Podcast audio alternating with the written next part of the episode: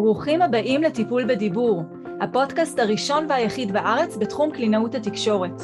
אני נועה ברק, אימא לשישה מתוקים, קלינאית תקשורת התפתחותית מאז 2010, מדריכת הורים, מלווה התפתחותית, ויוצרת משחקים טיפוליים ותוכניות לשיפור הדיבור.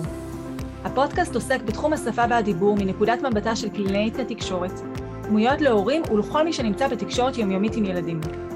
חפשו אותי באתר שלי noabarak.co.il ועקבו אחריי גם ברשתות החברתיות. האזנה נעימה. שלום לכל המאזינים והמאזינות, נמצאת איתנו היום איריס גרנות.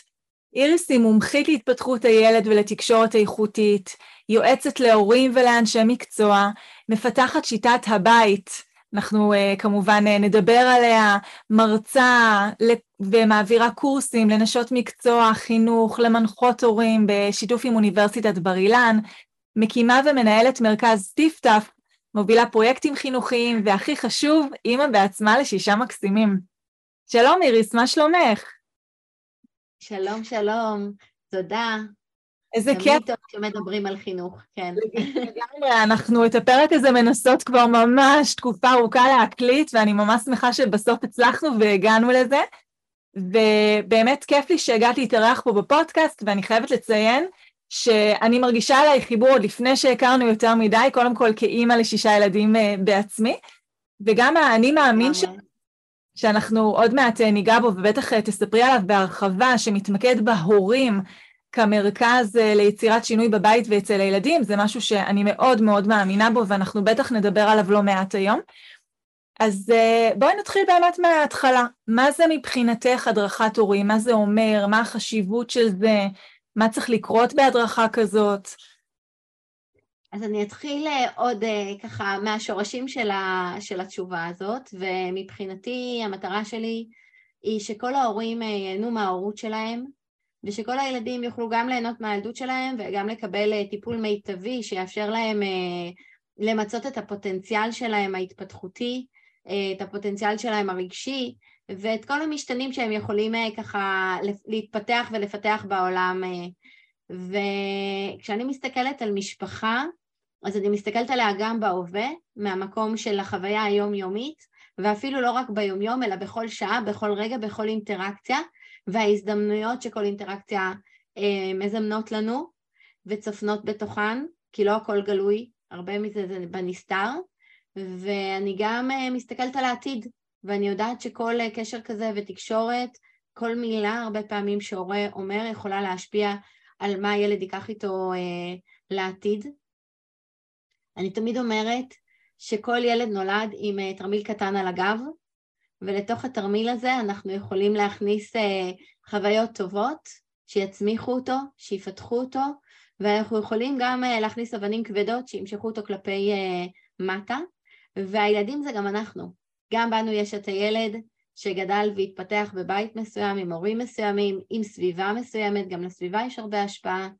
אמ, ומפה מתחילה ההתבוננות וההסתכלות שלי על העולם הזה של הדרכת הורים. ו... בעיניי כל הורה צריך הדרכת הורים. כן. כמו בכל דבר. Mm-hmm. כל דבר שאנחנו עושים, ברור לנו שאנחנו אה, צריכים אה, הדרכה. כל מכשיר שנקנה הביתה, אנחנו נקרא את הספר הוראות שלו, אבל כידוע לכולנו, ילדים לא מגיעים עם ספר הוראות, גם לא עם איזה פתק על הבטן, אני לפעמים אומרת בהרצאות שלי להורים, אה, תדמיינו שהתינוק שלכם היה מגיע עם כזה פתק על הבטן, אני אוהב חיבוקים חזקים, אני אוהב חלשים, אני אוהב מוזיקה, אני, זה מפריע לי כשאני אה, רוצה להתרכז במשחק. היה הרבה יותר פשוט וקל, אבל גם פחות מעניין, וזה האופטימיות שבזה. כן. אז, אה, אז כן, אז הדרכת הורים זה לכולם. זה, זה אני מאמין שלי כבר מ... אני מדברת על זה כבר למעלה משלושים שנה, ואני יכולה להגיד שהרבה מאוד שנים הקול שלי היה מאוד חריג בעולם, וכשפניתי, פניתי ועבדתי קשות גם בכנסת, גם אה, בכל מיני מפגשים עם אנשים אה, מובילים בקבלות החלטות, וניסיתי ככה להוביל את המענה לכלל האוכלוסייה, אז תמיד אמרו לי שזה שמה, מה, מי צריך את זה, מי יצרוך את זה, היום זה כבר הרבה יותר פופולרי, הרבה יותר מקובל, הרבה יותר אה, עם מודעות, אמ, ועדיין, כמובן שכל אחד צריך את ההכוונה שלו וההתאמה שלו, ויש ילדים שצריכים יותר אה, אמ, דגש על דברים מסוימים, וגם הורים שיותר מאותגרים בדברים אה, מסוימים וכאלה שבאחרים. אבל אני רוצה להגיד דווקא פה, בפודקאסט הזה, שלכולם יש אתגרים. נכון. ממש לכולם. Mm-hmm.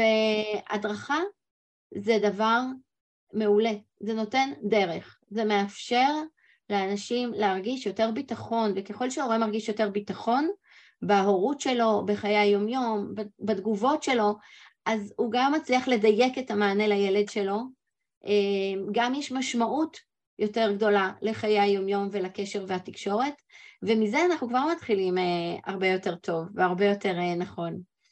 אז הדרכת הורים זה באמת מצרך אה, כמו כל סל המצרכים שאנחנו צורכים הביתה בעיניי, בימינו במיוחד עם כל האתגרים של המאה ה-21, שרק על זה אני יכולה לדבר שעות.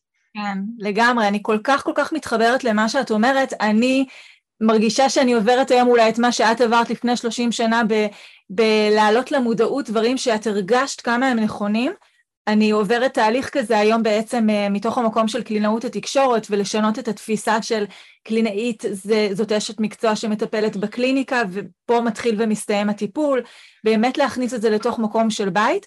אה, זה אגב משהו שבטח קלינאיות עושות היום ואנחנו גם מדברות עליו בלימוד, את החשיבות של ההדרכה, אבל בפועל, שורה תחתונה, ואני בטוחה שקולגות יסכימו איתי, אחוז ההורים שמצליחים ליישם את מה שהם רואים בקליניקה באמת להכניס לבית הוא מאוד מאוד נמוך, ו- וזה בעצם מה שאני עושה.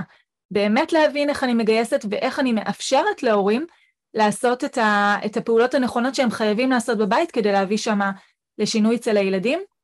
אני מאוד מתחברת למה שאמרת, לעניין הזה של הורה צריך לפעמים אפילו להעלות למודעות שלו, כי הורה רוצה, כל הורה, ברור לי, רוצה את הכי טוב בשביל הילד ורוצה לפעול הכי נכון עבור הילד שלו. אבל יש דברים שבאמת לא במודעות. אנחנו פועלים מבלי להבין ולדעת האם זה הדברים הנכונים לעשות, וברגע שמעלים דברים למודעות, זה מאפשר להורה באמת את היכולת לקדם את הילד שלו כמו שהוא באמת היה רוצה. לגמרי, וזה הייעוד של הידע בגישת הבית, המקום הזה שבאמת יש דברים שהם נכונים יותר ונכונים פחות, בהתאמה לכל משפחה, בהתאמה לכל הורה. יש הורה אמ, אחד שיהיה לו יותר נכון לשחק עם הילד שלו על השטיח ובצורה הזאת לקדם אותו, והורה אחר שדווקא בסיפור או בתקשורת סביב חתיכת, חיתוך סלט או אה, הכנת אה, עוגיות, זה ממש לא משנה. העיקר זה איך אני מכניס לתוך הדברים שנכונים לי, שטבעיים לי באינטראקציה, את הכלים ואת המיומנויות שיעזרו לנו לפתח את הדבר הנכון, וכשילדים מקבלים את התפריט הנכון להם, אז גם הם הרבה יותר רגועים, הם הרבה יותר עם ביטחון, והם הרבה יותר אה, ככה קשובים להורים שלהם ומצפים אה, לתקשורת הזאת, ומגיל מאוד מאוד צעיר האינסטינקטים של הקטנטנים האלה מחודדים מאוד להרגיש מה הם זקוק, למה הם זקוקים ומה נכון להם.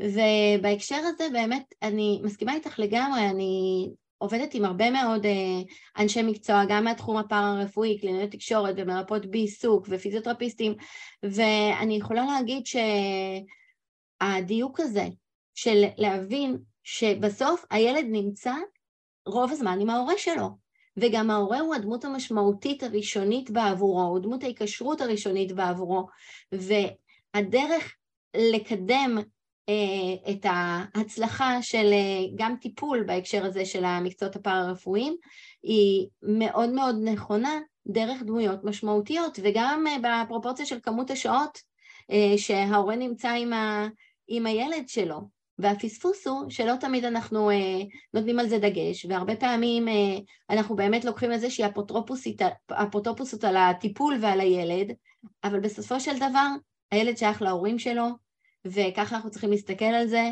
גם ממקום של אה, קבלה אה, של התנהגויות שונות ומשפחות שונות, לפעמים אה, הדברים הם יותר באופן טבעי, נדבר על קלינאי תקשורת לצורך העניין, כי אנחנו פה ככה במיקוד, אז יותר טבעיים לאותה קלינאי תקשורת שנמצאת שם, לפעמים פחות, אבל זה ההורה וזה הילד שלו וזאת המשפחה שלהם, והתפקיד שלנו זה לקבל את זה ולהתאים למשפחה הזאת את מה שיהיה נכון על מנת לקדם את אה, תקשורת בין ההורה לילד, ועל מנת לתת לו את הכלים לקדם את הילד שלו במה שצריך, וזה יוביל גם להצלחות הרבה יותר מדויקות אה, של טיפולים בקליניקה. לגמרי, אני ממש ממש מתחברת, נכון, למה שאת אומרת. יש פה דינמיקה, יש פה גם מה מתאים לילד הספציפי מבחינת מה הוא זקוק לו, אבל מה מתאים להורה, כמו שאת אומרת. אם אני, אני יכולה נניח להבין שפעילות מסוימת מאוד טובה לילד ומאוד תקדם אותו, אבל אם ההורה לא מסוגל, לא, מכל מיני סיבות שונות, לא מסוגל לפעול באותה פעילות, זה לא יעזור כמה אני אנסה להדריך אותו, משהו שם לא יקרה כמו שצריך. וזה ממש נכון, האינטראקציה הזאת שצריך להבין לא רק מה נכון לילד, אלא גם מה נכון להורה, מה הוא מסוגל לפעול שם. אה, באמת עולה לי ככה דוגמה, בקליניקה, כקלינאיות תקשורת, באופן טבעי הסטינג שלנו מאוד משחקי. במיוחד כשמדובר בילדים קטנים, הם מגיעים ואנחנו משחקים איתם. ואז הרבה פעמים אנחנו מדריכות הורים הלאה לבית אה, על בסיס המשחק שבעצם מתקיים פה. ולא, כשהתחלתי ככה להיכנס לעומק של בדרך שבה אני עובדת היום, יוצא לי לא מעט לפגוש הורים שלא משחקים עם הילד שלהם, וזה, זה, זה אגב, אני לא אומרת ממקום חלילה שיפוטי, זה לגמרי בסדר, גם אני כאימא לא מוצאת את זמן כל יום לשבת לשחק עם הילדים שלי, אבל אנחנו יודעות כנשות מקצוע כמה, ה, כמה זה ב, לא באמת משנה הגירוי, כמו מה אני עושה בכל גירוי טבעי שקיים שם. ולצורך העניין, אם המטרה שלי זה הגדלה של אוצר מילים, אני ממש לא חייבת לעשות את זה דרך משחק סימבולי של בובה או פליימוביל או לא משנה מה, שבקליניקה זה עבד לי טוב. אני יכולה להבין מה קורה שם בבית עם ההורה, ועל בסיס אותה פעילות שמתרחשת בבית, לבנות את אותה מטרה. וברגע שאני מנגישה לו את זה, אני מגדילה את הסיכוי שבאמת משהו שם יקרה. זה באמת אה, ככה, הדינמיקה הזאת, כמו שאת אומרת, היא כל כך כל כך חשובה. וכדי שזה יקרה, וכדי שנדע לעשות את זה, ונוכל ליצור את ההתאמה הזאת, אנחנו חייבים להיות קשובים גם להורים, ולהקדיש גם את הזמן. הרבה פעמים אני מדברת עם אה, קלינאיות, אה, עם פיזיותרפיסטים, עם אה, מרפאות בעיסוק, שהילד מגיע אליהם למפגש של שעה או שלושת רבעי שעה, תלוי, לפעמים אפילו חצי שעה, רציתי אבל לתקתק עוד משהו ועוד משהו, ו- ולא היה לי זמן, ובסוף לא נשאר לי זמן לדבר עם ההורה.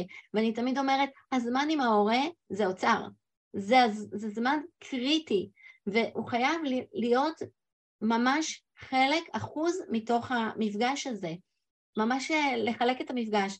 יש עוד הרבה דברים שככה, העולם הזה של אה, כל המקצועות הפארה-רפואיים הוא עולם שאני הרבה שנים אה, עובדת איתו בהקשר של הדרכה ושל הובלה ושל שיטת הבית שאני מובילה עם כל המשתמע מזה, ובאמת יש הרבה מאוד דרכים ועקרונות שאפשר ללמוד אותם שמאוד מאוד עוזרים לאנשי המקצוע לתת את ההתאמה הזאת בזמן קצר ומדויק ממקום של אה, תקשורת נכונה עם ההורה, ובסופו של דבר צריך לזכור גם שאנחנו צריכים ליצור מוטיבציה אצל ההורים.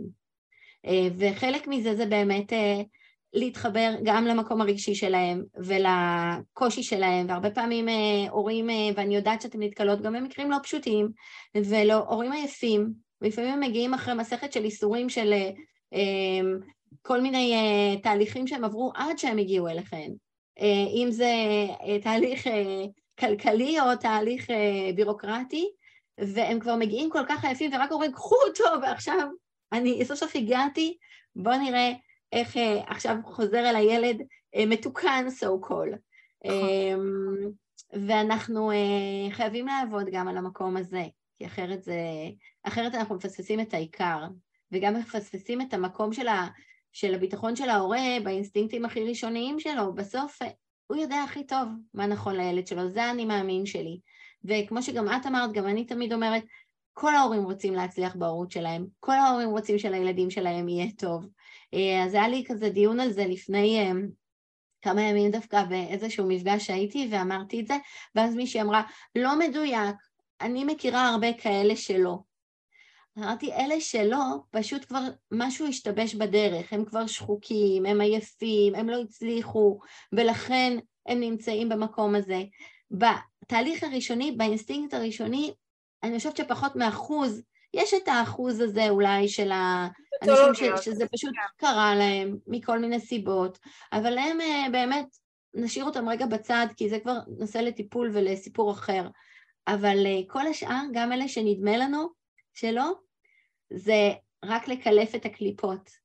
זה נמצא שם לגמרי, וזה נורא תלוי בנו ויש לנו את הזכות אה, כאנשי מקצוע לעשות את זה. ויש דרכים גם, אני יכולה להגיד שיש דרכים ויש שיטות ואפשר לעשות את זה בצורה מאוד מדויקת ולרתום הורים אה, לגמרי ולתת את החוויה המשמעותית הזאת שזה הזכות שלהם, זה הילד שלהם. לגמרי, נכון, אני גם מאוד מתחברת למה שאת אומרת, במקום הזה של לרתום את ההורים, צריך להבין מה מקור המוטיבציה של הורה. כמו שאני רוצה לרתום ילד לכל דבר שהוא, אני צריכה להבין איפה יושבת המוטיבציה שלו, ובתוך המקום הזה אני יודעת שהיכולת שלי להשפיע, ללמד, לקדם, היא תהיה הגבוהה ביותר. ככה זה גם אצל הורים, לפעמים. מגיע אליי הורה, והדבר שהכי מפריע לו בעולם זה שילד לא אומר רייש. ואני, כשאני פוגשת את הילד, מתרשמת מהיכולות של הילד, אני מזהה שם שאוצר המילים שלו נורא מצומצם, שהוא לא מסוגל להרכיב משפטים, שהקשב שלו מאוד מונמך, וגם שאין לו רייש. אז אני כאשת מקצוע יכולה להגיד, אוקיי, מבחינה מקצועית, בסדר העדיפויות שלי, אם אני ככה בוחנת מה הכי יקדם את הילד מבחינת היכולת תקשורת שלו, יש שלושה דברים קודמים לפני הרייש. אבל בכל זאת הגיע אליי הורה, ו- ואני חייבת לקחת בחשבון ולתת מקום וכבוד לדבר שמפריע לו. אז באמת, לגמרי, או ש... ממש.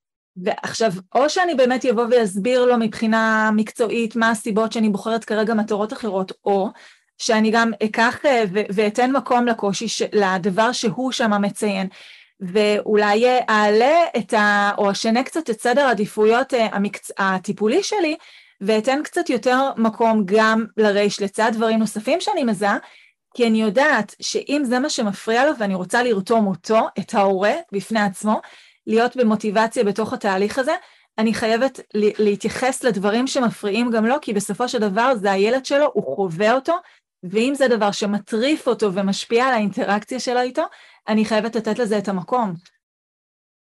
לגמרי מסכימה עם זה, אני חושבת שיש בזה גם מקום של אה, לכבד את ההורה שהגיע ויש לו איזושהי פנטזיה, אז שוב אני חוזרת ליוד של הידע, של אה, באמת, אנחנו נביא את הידע, אבל יחד עם זאת אנחנו צריכים להיות בה"א של ההכלה אה, ולהכיל את המקום שבו נמצא ההורה, כי רק כשאנחנו ניכנס דרך הדלת הזאת, אנחנו נצליח לפתוח אצלו ככה את אה, דרכי החשיבה ואת ה, את ההתגייסות הרגשית שלו, והוא ירגיש באמת שהוא נמצא שם. אני רוצה להגיד משהו מהמקום שלי כמומחית להתפתחות הילד וגם כיועצת משפחתית ומדריכת הורים וגם אה, אה, ככה כמובילה ומר, ומובילת קורסים למדריכות הורים, להכשרה של מדריכות הורים, אז יוצא לי להיפגש עם אלפי משפחות, באמת, לאורך השנים אולי יותר מאלפי, אבל uh, לאורך uh, חודש הרבה מאוד משפחות, באמת, מאוד. ואני יכולה להגיד שאחד הדברים שהורים uh, ככה שמים לב אליהם ושמים דגש אליהם זה, זה ההתפתחות המוטורית. אה, זה הדבר הראשון שהורים אה, מסתכלים עליו. ודווקא פה אני רוצה אה, לנצל את המעמד הזה שאנחנו מדברות אל קלינאיות תקשורת ואל הורים ששמו לב כבר לאתגר של הילד שלהם בהקשר של שפה ותקשורת, ולהגיד שזה ממש מהשלב הראשוני, ההתפתחות התקשורתית סלש המילולית היא ממש מאותם שלבים. העניין הוא שהרבה יותר קל לנו לראות את ההתפתחות המאוד ראוית שהיא חשובה בפני עצמה. אבל uh, אני הרבה פעמים, לי יש את הפריבילגיה כמומחית להתפתחות הילד לראות את המטריה כולה. ואני רואה באמת את כל הדיסציפלינות ההתפתחותיות. וגם שם הרבה פעמים אפשר להיכנס דרך המקום שמטריד אותם אפילו מבחינה מוטורית, דיסציפלינה אחרת לחלוטין, ולעשות את החיבור, ולעשות את ההעברה, ולהסביר את הקשר וההקשרים אה, לצורך העניין, אם ילד נע בבית, אז מה הוא רואה? ואיך אפשר לשיים את הדברים האלה, ומתוך המקום הזה אה, להיכנס לנושא של שפה וגם להדגיש כמה זה חשוב, אתן עושות דבר נפלא וחשוב. בסוף הייחודיות שלנו כבני אנוש זה התקשורת, זה השפה. אני אספר על זה עוד משהו קטן מהבן שלי. אה, הבן שלי, יש לי שישה ילדים, והבן שלי הרביעי הוא ילד מאוד מאוד מדויק. והילד החמישי שלנו... מה זה מדויק? כולה... מעניינת, למה את מתכוונת מדויק? חשוב לו היה תמיד, מאז שהוא היה קטן, שהדברים יהיה להם סדר, שהם יקרו uh, בזמן, לוחות זמנים, uh, דיוקים של uh, איפה שמים את המשחקים, צריך לאסוף אותם נכון. Uh, נורא נוח שיש ילד אחד כזה בבית שמארגן את כל החבורה השובבה. Um, והוא דאג לזה, הוא אמר את זה, ואנחנו הלכנו עם זה, וגם עם ללמד אותו שצריך לזרום במשפחה עם שישה ילדים, כל אחד יש לו את ה... המקום שלו ואת מה שהוא מביא, ואז האח הצמוד אליו, מספר חמש, אמ, כשהוא התחיל לדבר, הוא לא הצליח להגיד רייש. והמקום הזה שהוא אומר עקבת, ולבת שלי הגדולה קוראים אה, לירון, אז אה, אה, ליאון, זה, זה ממש ממש הפריע לבחורצ'יק הזה, שהיה אז בן אה, ארבע וחצי, קרוב לחמש, והוא ניסה ללמד את אח שלו, הפעוט, בן השנה וחצי, שנתיים, וואו. שמדבר בלי רייש, להגיד רייש. ובאיזשהו שלב הוא פשוט הלך אחריו בבית, במשך ש... אני אמרתי לו, זה מפריע לך, אתה רוצה, תלמד אותו. ולמה אני מדגישה את זה פה? תכף אני אספר לכם איך נגמר הסיפור הזה. למה אני מדגישה את זה פה? כי מעבר להורים יש גם את המשפחה, ויש את נכון. המעטפת המשפחתית. ואנחנו צריכים לזכור שילדים, אה, חוץ מהבכורים, שיש לזה גם משמעויות, אז הילדים נולדים כבר לתוך עולם שיש בו מעטפת רחבה יותר, ואני מדברת עכשיו רק על המשפחה הגרעינית, יש עוד כמובן סבא, סבתא, דודים וכולי, שגם להם יש השפעות, אבל אני עכשיו מתמקדת רגע בהורים ובאחים. אז גם את האחים, א', אפשר לגייס, וב', צריך לשים לב להשפעה הסביבתית שהם יוצרים ולדינמיקה המשפחתית, זה מאוד מאוד חשוב. אז נחזור רגע לסיפור הזה של אה, שני החמודים שלי. אז הוא החליט שהוא מלמד אותו אה, להגיד אה, רייש, והוא פשוט הלך אחריו והביא רכבות, הביא דברים עם רייש, ממרומי גילו של הארבע וחצי, ואמר לו, תגיד אבל עכשיו אני יכולה להגיד ששני הגדולים שלי השתגעו מזה, כי כל הבית הלך ככה, אחד פעוט שרץ בבית, השני הולך אחריו והגדולים שאמרו שקט, שקט, שקט, אבל כעבור שבועיים הילד אמר ריש. הוא התחיל להגיד רכבת, בהתחלה זה היה מין כזה רכבת, אבל זה עבר לרכבת. וזה באמת מדהים כמה כוח יש לאחים ולמשפחה וכמה כוח יש לנו, ההורים, כשאנחנו נותנים להם את ההזדמנות הזאת לממש את היכולת הזאת, ולהיות חלק, ולהיות בשיתוף. לגמרי, אז זה עבד לכם ממש מעולה. זה... כן, זה לא תמיד קורה, אבל כנראה היה פוטנציאל שם... אה, משני הצדדים, גם מבחינת הקטן, שהוא היה פנוי, ואת יודעת שהוא הכיל את זה בהנאה, הוא קיבל את זה בשמחה. כי באמת יכולים להיות מצבים אחרים, בדינמיקות אחרות, באופי של ילדים אחרים, שכשאנחנו מגיעים ממקום כזה, וגם אני ככה רוצה להגיד במאמר מוסגר שלכל צליל יש את גיל הרכישה שלו, ובקליניקה נניח אנחנו לא נטפל ברייש לפני גיל אה, שלוש וחצי, ארבע, סביב נכון, הגיל הזה, נכון. אבל הקטן obviously היה בשל מוטורית, מסוגל מוטורית להפיק את זה, כי אחרת זה לא היה קורה. בגלל זה זה גם תפס כל כך יפה בין היתר, אבל נניח ילד אחר ב- ב- עם יכולות אחרות בגיל הזה, יכול להיות שהוא באמת עוד לא היה מסוגל מוטורית להפיק את התנועה הזאת, ואז זה יכול לגרום לתסכול והימנעות, אז, אה, אז זה גם באמת נקודה שחשוב להגיד, שזה באמת עבד טוב, וזה, וזה מהמם כשזה עובד טוב, אבל באמת צריך אה, גם לזכור ש, אה, שיש דברים שבאמת כדאי לעשות אותם עם הכוונה מקצועית ככה מסודרת, כדי לא להגיע למצבים של הימנעות או תסכול, או אפילו למידה לא נכונה של צליל. אז, אה, אז זה ככה באמת... לגמרי, זה לא מהמקום הזה של לקחת, זה סיפור אמיתי, פשוט מהחיים. בבית. אל תנסו, בדיוק, אל תנסו את זה בבית, או לצורך העניין, אה, תנסו, אבל לפני כן אה, תקבלו ככה הדרכה של כן. מה נכון ואיך נכון לעשות את זה. לי הייתה את ה... גם את, היה לי את הידע, ויכלתי ככה כן. לכוון את יניב, וגם ידעתי, ידעתי בדיוק לאן... לאן זה הולך, ראיתי כבר ככה את הפוטנציאל ואת ה, את היכולת הגיה שלו בדברים נוספים, כן. אז, אבל באמת, מה שאני רוצה להדגיש פה, שבהחלט האחים הם דמויות משמעותיות בעבור הילד, ויש אפשרות גם, וחשוב גם להדריך את, ה, אה, קלינאיות תקשורת שידריכו את ההורים וככה יש, יבינו מי נמצא שם בסביבתו של הילד, בסביבתו הקרובה, ויש דברים שבהחלט בהחלט אפשר לעשות אה, אה, ככה דרך האחים או באמצעותם או ביחד. לא נכון. צריך להרחיק, זה לא זמן טיפול, טיפול זה בקליניקה. בבית זה החיים האמיתיים, ועדיין אפשר להכניס לזה המון דברים שיקדמו את הילד ויקדמו דרך זה גם את כל המשפחה. תחשבו כמה זה מדהים, עד היום הם זוכרים את זה. כן. אמ, ממש, הזיכרון הזה של אה, הוא לימד אותי, או אני לימדתי אותו, כמה, כמה זה מדהים בקשר ביניהם, כמה נכון. משמעות יש לזה. נכון. אמ, ממש ככה, נכון. אני באמת, אה, עולה לי ככה סיטואציות שאני אה, מדריכה הורים לאיזושהי אמ, דיוק מסוים מול הילד, ואז הם אומרים לי, אבל יש גם את האחים שלו אחרי צהריים, ואני לא מצליח לפנות זמן של אחד על אחד. ואז אני אומרת, מעולה שיש את האחים, זה חלק מהחיים בבית וזה חלק מהחיים בכלל. גם בגן יש עוד ילדים ואנחנו צריכים לדעת להתמודד עם סיטואציה של אנשים נוספים, ובעצם ה setting של הקליניקה הוא לא setting של החיים עצמם, שאני במרכז ויש עליי מישהו אישי שממש מכיל אותי לפי מה שאני זקוק כרגע. החיים עצמם זה מה שקורה בבית, זה מה שקורה בגן, ופה זה בדיוק ההזדמנות לגייס את האחים אפילו מהרמה הבסיסית של תורות, מתי יש מקום לכל אחד בתוך השיח הזה. אמ, אני לפעמים מדריכה הורים איך אפשר לקרוא ספר ליותר מילד אחד, כשכל ילד יש לו את הרמה השפתית שלו, והם כולם באותה סיטואציה של, של לשמוע כרגע את הסיפור, ואיך אני ממש עוברת אור-תור, עמוד עמוד, וכל ילד מקריאה לו את העמוד לפי הרמה השפתית שכרגע מותאמת עבורו, או זמן של משחק, או זמן של שיח, או זמן של כל פעילות שהיא. להפך, אני לא רוצה לבודד את הילד לחדר סגור עם ההורה, אני רוצה לקיים את הדבר הזה בתוך הדינמיקה של הבית, אז זה חשוב גם לאחים הנוספים ללמוד מתי אני נותנת מקום לאחר ומתי זה המקום שלי.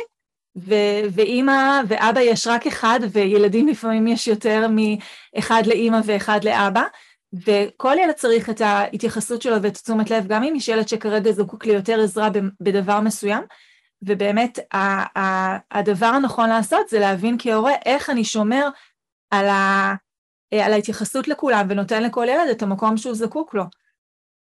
לגמרי, וליצור דינמיקה משפחתית של שיתוף ושל אחריות ושל שייכות וחוויות של הצלחה משותפות, זה, זה נותן הרבה משמעות לא רק בהווה, ו- ופה אנחנו מרוויחים גם את העתיד, את הקשר בין הילדים, וזה כל כך משמעותי, ודווקא לפעמים הזדמנויות כאלה של אתגר מחברות ומדביקות ויוצרות אה, משמעות אחרת, וחשוב לשמור על הדינמיקה המשפחתית הזאת, ואני אומרת את זה פה גם, גם להורים, באמת מהמקום הזה שלא צריך לחשוש, אה, ולהפך, להיות בחיבור ולא בהפרדות, וגם אה, שוב לנשות המקצוע אה, של, אה, אה, בהתבוננות הזאת, של להבין את הדינמיקה המשפחתית שיש בכל משפחה, ולתת את הכלים לאיך עושים את זה, כי בסוף זה יכול להישאר ברמת הסיסמאות וזה יכול להיות ברמה הפרקטית. וחשוב שזה יהיה ברמה הפרקטית כדי שהורה יצא לדרך וידע בדיוק מה הוא עושה במשפחה הספציפית שלו.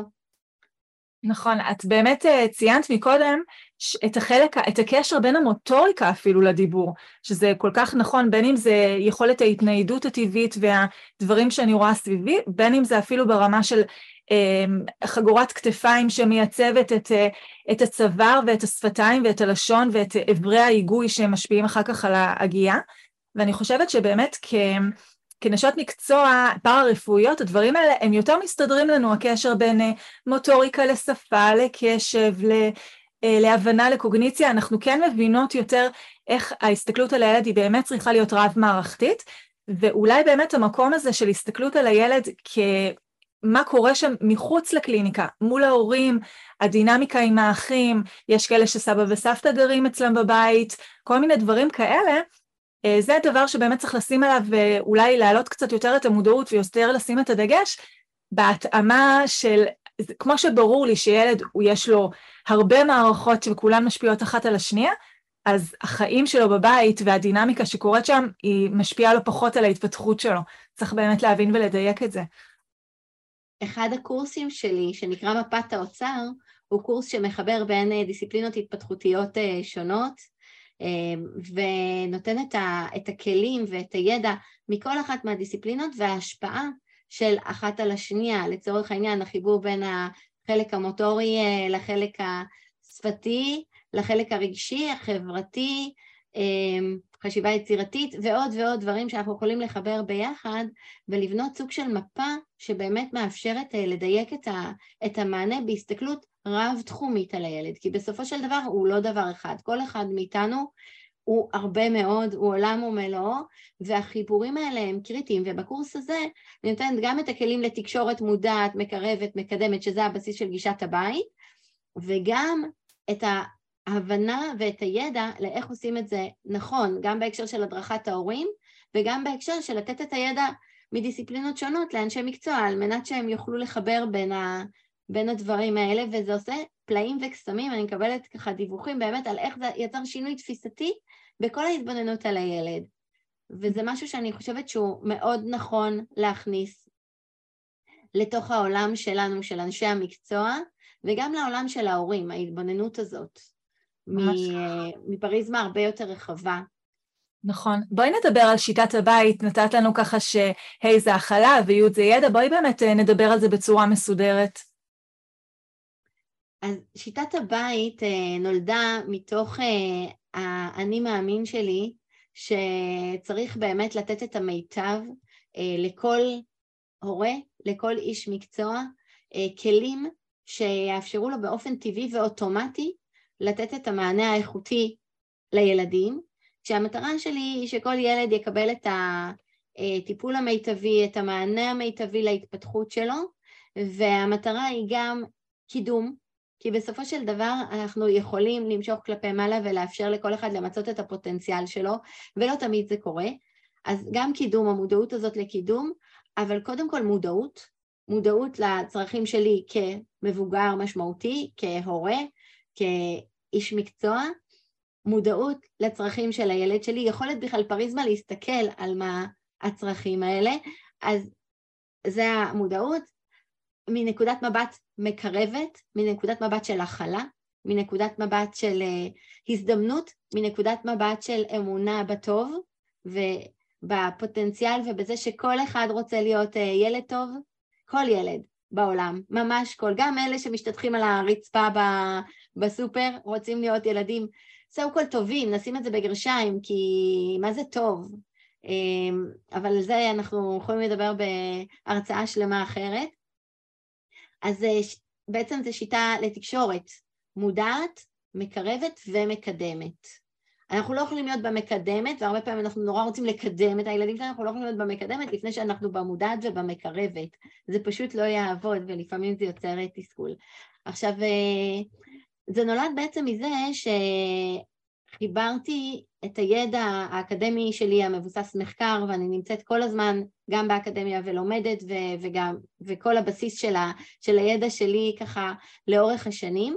חיברתי את זה אה, ביחד עם הכלים מהשטח, אני עובדת כל השנים בשטח, אני ממש הייתי מגיל, מההתחלה, מהתחלת הדרך, כל הזמן היה מין אה, פיתוי כזה של להישאר באקדמיה ומשכו אותי, אז נכון שאני מלמדת באקדמיה ואני מרצה, והיום שיטת הבית נלמדת כקורסים שלי עם תעודה של האקדמיה, שזה מאוד מחמיא ומרגש, נכון. אבל לגמרי, אבל, אבל ככה, לי אף פעם לא, היה, לא הייתה התלבטות, שאני נמצאת רוב הזמן שלי בשטח ועדיין מחברת את האקדמיה, ולא הפוך, רוב הזמן באקדמיה וקצת בשטח. כי מבחינתי, ברגע שאנחנו לא מנגישים את הידע, הוא לא קיים, אין לו משמעות, אין צורך לעשות מחקרים ולהשאיר אותם במגדל השן, זה לא מקדם אף אחד, אבל זה לא חוכמה בעיניי ללמד את מה שיודעים במחקר, כי המחקר הוא חשוב מאוד, אבל מבחינתי התרגום של המחקר לכלים מעשיים זה הדבר הקריטי. ולכן שיטת הבית בעצם נולדה ממקום של הבנה מה הם הנקודות הכי חשובות שאנחנו יכולים לממש בחיי היומיום, וייצרו מודעות, אה, ייצרו קירוב ויאפשרו קידום גם. ומהמקום הזה בניתי ממש שפה. וזה הופך להיות אה, סטודנטיות מדווחות וגם הורים מספרים שזה הופך להיות כמו האוטומט שלהם, זה הופך להיות, בגלל שזאת שפה, זה הופך להיות, אתן יודעות מה זה שפה. אמ, כל מי שככה מקשיב לנו, אה, וכל מי שהיא אשת מקצוע, בטח אה, קלינאי תקשורת, וברגע ששפה מוטמעת, אז היא הופכת להיות האוטומט.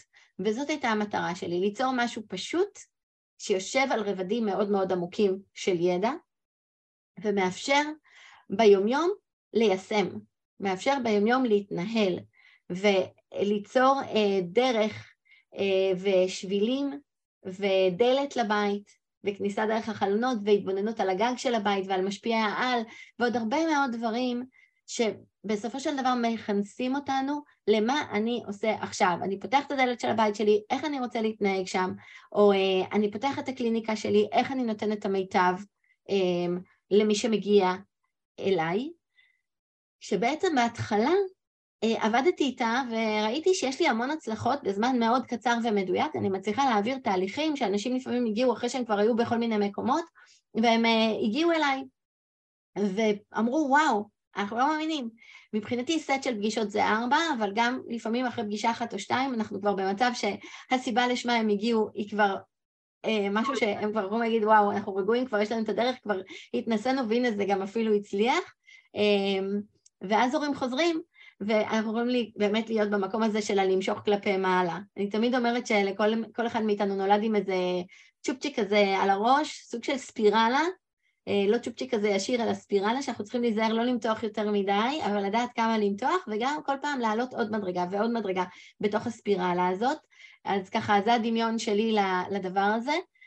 ואז מהמקום הזה של ההצלחות, בעצם כבר לפני uh, כ-20 שנה, אמרו לי, אוקיי, אז איך את עושה את זה? אז אמרתי, אני חייבת לבנות את זה כשיטה, והתחלתי באמת לפענח את מה שאני עושה, ואיך הדברים שאני עושה אה, גורמים להצלחות האלה הכל כך משמעותיות, וככה נולדה אה, שיטת הבית, אה, ובעצם מפה ככה הדרך הייתה מאוד קצרה להגיע באמת להרבה מאוד לבבות קודם כל של הורים ושל אנשי מקצוע ולמשוך אותם כלפי מעלה ומשם את הילדים שלהם. אני בניגוד אליכן שאתן נפגשות בקליניקה עם הילד עצמו, אני נפגשת רק, רק, כמעט רק, עם המבוגרים המשמעותיים, זאת אומרת, אני רואה אינטראקציות של הורה וילד, אבל אני נוגעת בעיקר בהורה. Mm-hmm. אני פחות, אה, אני כמעט ולא עושה modeling על הילד. זה מה ש... אני ממש נמצאת במקום של ההורה, וההורה עושה את זה על הילד שלו. אה, ההורה מתקשר עם הילד שלו, ההורה מפעיל את הילד שלו. אה, ממש מהמקום הזה גם של לתת להורה את היכולת להתנסות, לתת לו את הביטחון, אה, וגם אה, מהמקום שאני רוצה שגם הוא יצא עם הטמעה של מה קל לו, מה קשה לו, ומהמקום הזה אנחנו ניגע הלאה.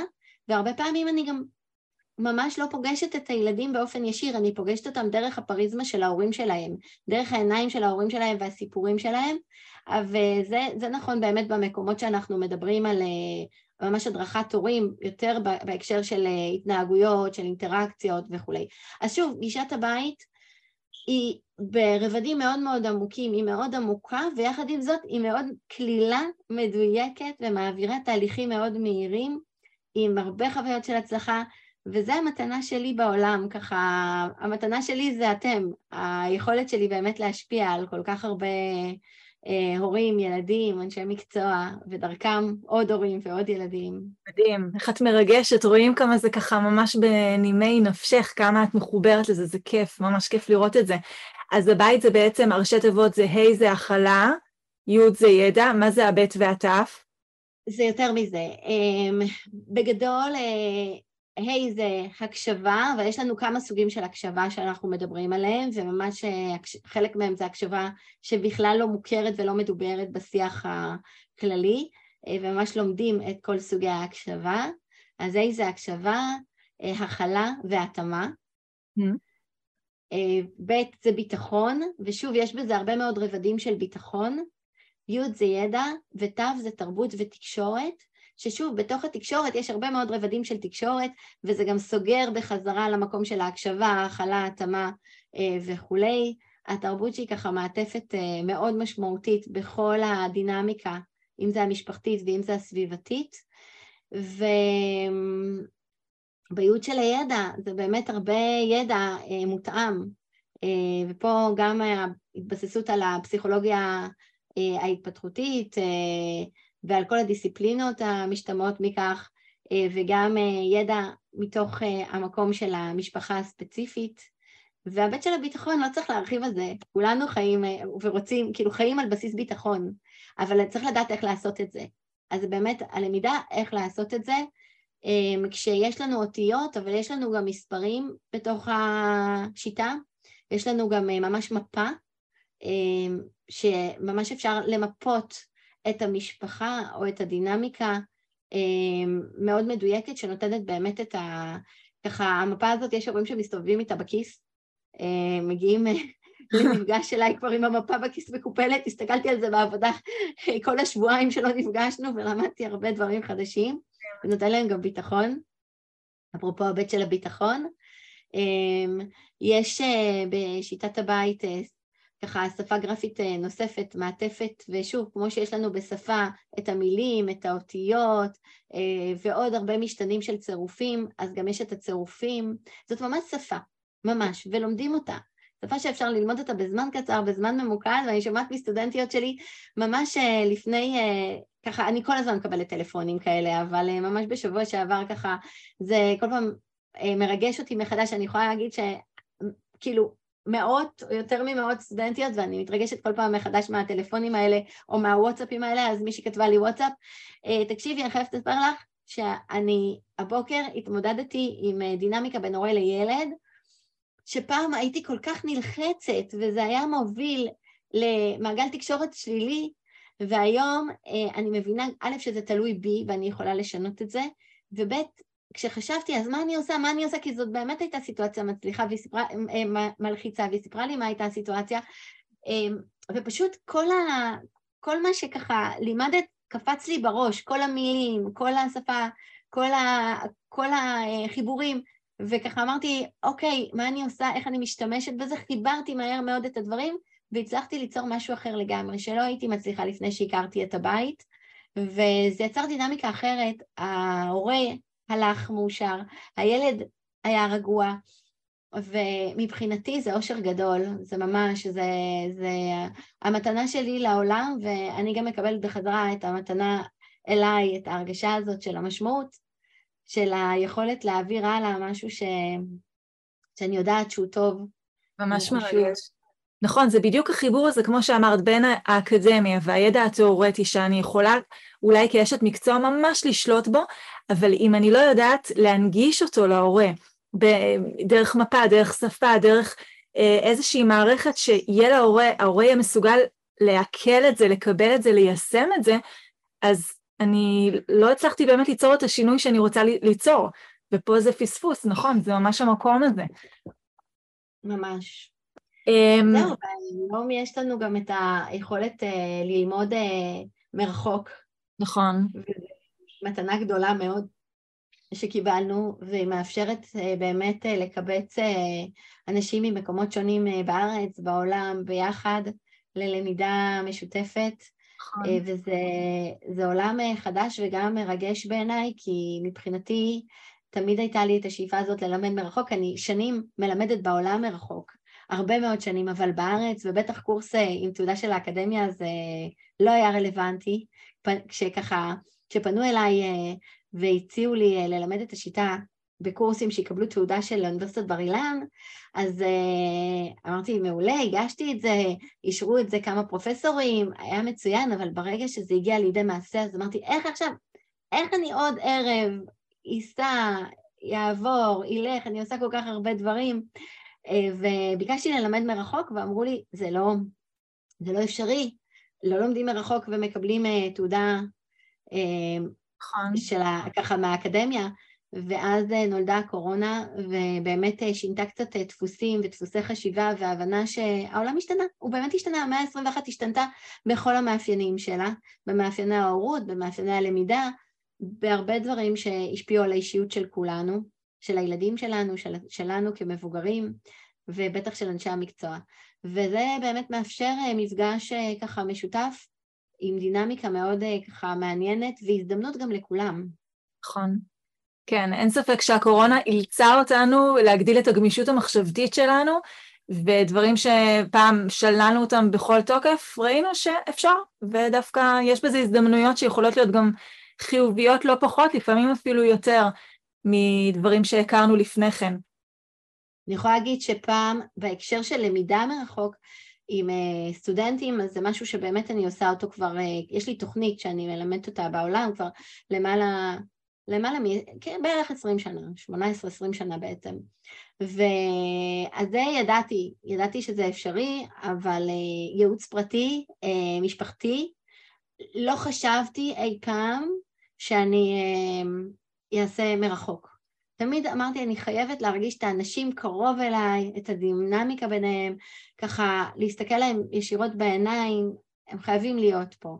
ובזכות, בזכות במרכאות, כי היינו מוותרים על הקורונה, וכנראה זה היה קורה בדרך אחרת, אבל היא כבר כאן, והיא הייתה...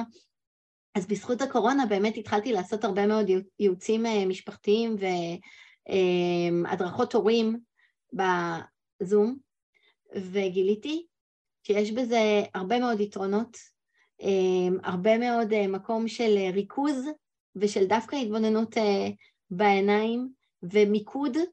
אנחנו לא אין הסחות דעת, אנחנו כרגע מול, אחד מול השני, וכולנו צריכים להיות מגויסים, וגם הזדמנות למשפחות ששני ההורים יכולים פתאום להיות חלק.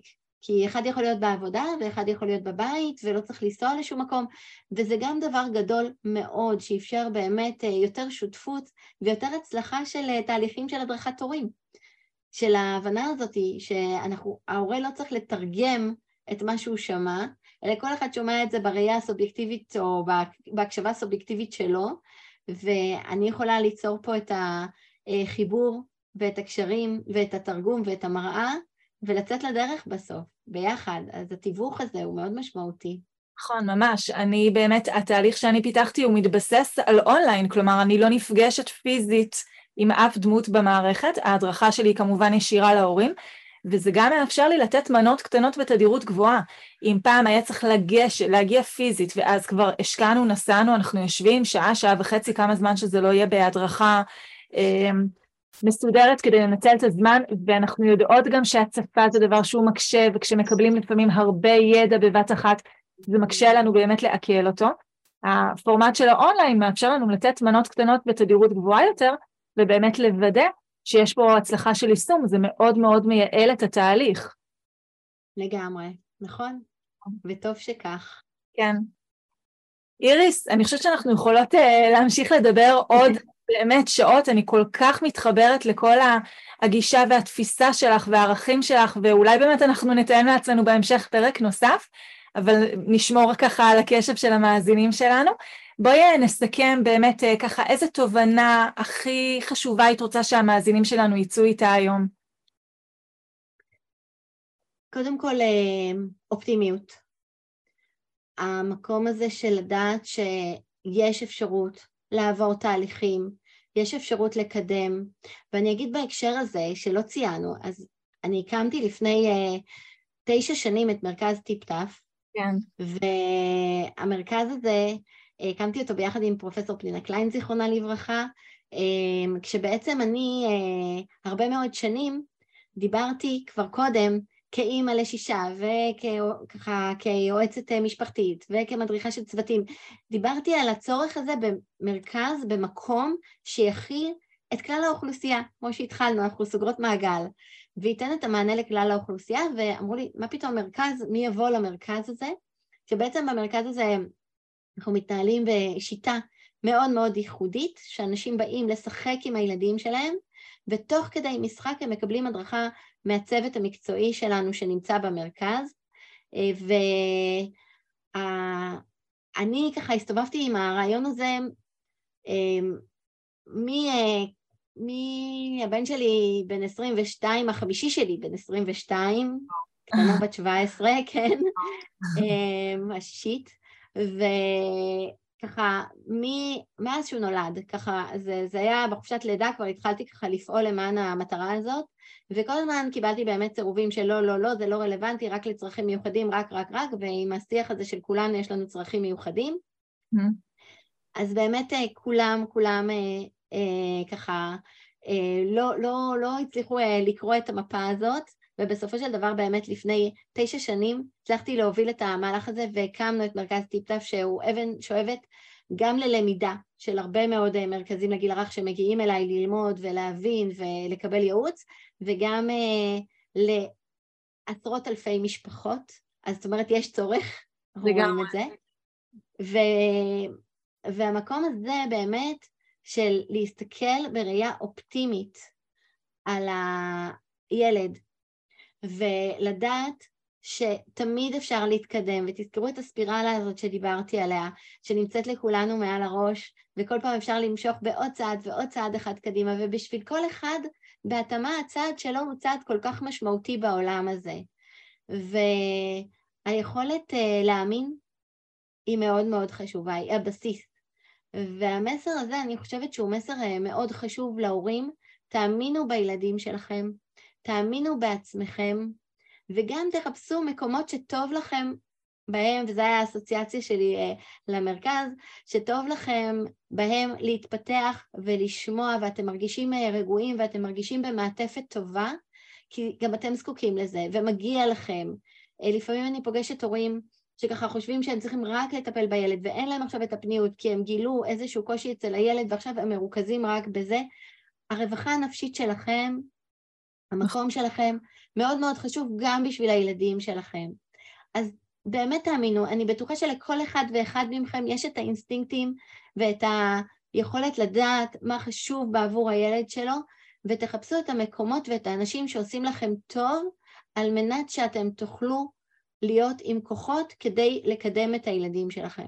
ותאמינו גם בילדים, אנחנו כל יום, בגיל, במיוחד בגיל הרך, כל יום הוא משמעותי, ואם אנחנו נעשה פה דברים שידייקו את האינטראקציה, ידייקו את הקשר ויהיו עם ידע איך אנחנו מקדמים את הילד שלנו, אנחנו נצליח. ולהצליח לראות את הצעדים הקטנים, כי עוד צעד ועוד צעד ועוד צעד מוביל אותנו uh, קדימה, ובאמת המקום של הלמידה גם, לדעת ללמוד, לרצות ללמוד, זה גם יעשיר אתכם וגם, וגם ייתן לכם באמת uh, כלים שהם יותר מדויקים. ולאנשי המקצוע אני רוצה להגיד שבסוף הילדים שייכים להורים שלהם, וצריך להיות עם רגישות מאוד מאוד גדולה להורים ולמעטפת המשפחתית, ויחד עם זאת אתם עושים עבודה קסומה ומשמעותית, ומהווים דרך, וכל כך הרבה אה, ככה ביטחון מעצם קיומכם, מעצם זה שאתם נמצאים שם ומכילים את כל ה... את כל הקושי הזה ואת כל המרחב הזה המאתגר עם כל החלומות והציפיות וכל מה שככה משתמע מתוך זה. אז קודם כל, אה, כל הכבוד ותודה לכל מי שעוסק אה, בעולם הזה, וגם, אה, אני מאמינה שגם אנשי המקצוע כולם צריכים תמיד ללמוד ולהתפתח, והמאה ה-21 מאוד מאוד שינתה את כל הדפוסים, גם של ההדרכות וגם של, ה... וגם של המשפחות, וכאימא גם לשישה, אני יכולה להגיד ככה, כל אחד מהילדים שלי נמצא בשלב אחר, אמ, אז אני רואה גם ככה את ההתמודדויות שהן אחרות. אמ, אני רואה מתוך המפגש עם אה, משפחות בחודש שאנחנו פוגשים גם במרכז וגם אני פוגשת בפלטפורמות נוספות, אה, את האתגרים אה, של הגילאי לידה עד שלוש, עם כל המשתמע מהתינוק החדש שנכנס למשפחה ומשנה את כל המערך של הזוגיות, של המשפחה וכולי, ואנחנו חייבים להיות עם הרבה רגישות אה, למקום הזה אה, של הצרכים המשפחתיים. אה, ואני מאחלת באמת לכולנו שנישאר ככה עם המקום של החדוות יצירה והעבודה ככה מהלב ומהבטן ביחד עם הקוגניציה של הידע, והשילוב הזה הוא שילוב מאוד משמעותי. מקסים, סיכום ממש מרגש. אני באמת אה, רוצה ככה להוסיף גם באמת להורים שמאזינים לנו, אה, דיברת על, אה, על תסמכו על עצמכם ותאמינו בעצמכם, ואני באמת רוצה להרחיב פה ובאינטואיציות שלכם, ואם משהו לא יושב לכם, אז תילחמו לקבל את התשובה, את המענה שאתם מאמינים ומבינים איפשהו בבטן שאתם צריכים לקבל אותו. לפעמים הורים ניגשים ושומעים תשובות כמו לא מטפלים לפני גיל שלוש, או בסוף כולם מדברים או דברים כאלה, אז, אז לא, אז אם משהו מרגיש לכם לא טוב, תמשיכו לחפש את המענה ותילחמו עבור הזכות שלכם באמת לתת לילד את מה שאתם מאמינים שהוא צריך לקבל, ו- וזה לגמרי אפשרי וזה חייב לקרות. וגם אם אתם uh, חוששים, זה משבש לכם את כל היומיום. אתם מסתכלים על הילד ואתם רואים רק את הדאגה ואת החשש, ולכן גם חשוב לקבל את התשובות מאיש מקצוע, שיגיד נכון. לכם, החשש הוא לגיטימי, או זה מגיע ממקום חיצוני, uh, מהסביבה, ממה שקראתם, ואנחנו מאוד מושפעים היום uh, מהרשתות, ו- וגם פה חשוב, ו- ואל תוותרו עד שתקבלו, עד שמשהו יסיח ככה וירגיע את דעתכם שהתשובה היא לגיטימית, כי, כי אם מישהו יגיד לכם לא, הכל בסדר, זה לא מספיק. אני תמיד אומרת להורים, לפעמים אני רואה משהו ואני אומרת, נראה, זה נראה בסדר, הכל, הכל בסדר, אבל אם את עדיין או אתה עדיין לא רגוע, תברר עד שתקבל את התשובה, והדרך היא מאוד פשוטה, היא להתחיל מרופא הילדים ומשם להמשיך הלאה. אז תתחילו משם. ותתחילו, ותחפשו גם את האנשים שנותנים לכם את, ה, את המענה שאתם יכולים לסמוך עליהם. נכון. איריס, תודה רבה שהגעת להתארח בפרק. תודה לך, תודה על ההזמנה, שמחתי מאוד. אז uh, אנחנו נתראה בפרקים הבאים. תודה, להתראות. תודה שהאזנתם לעוד פרק בפודקאסט טיפול בדיבור. רוצים לעזור לילדים שלכם לדבר טוב יותר כבר עכשיו? שילחו הודעה לנייד 050-769-4841 ואולי נדבר בקרוב.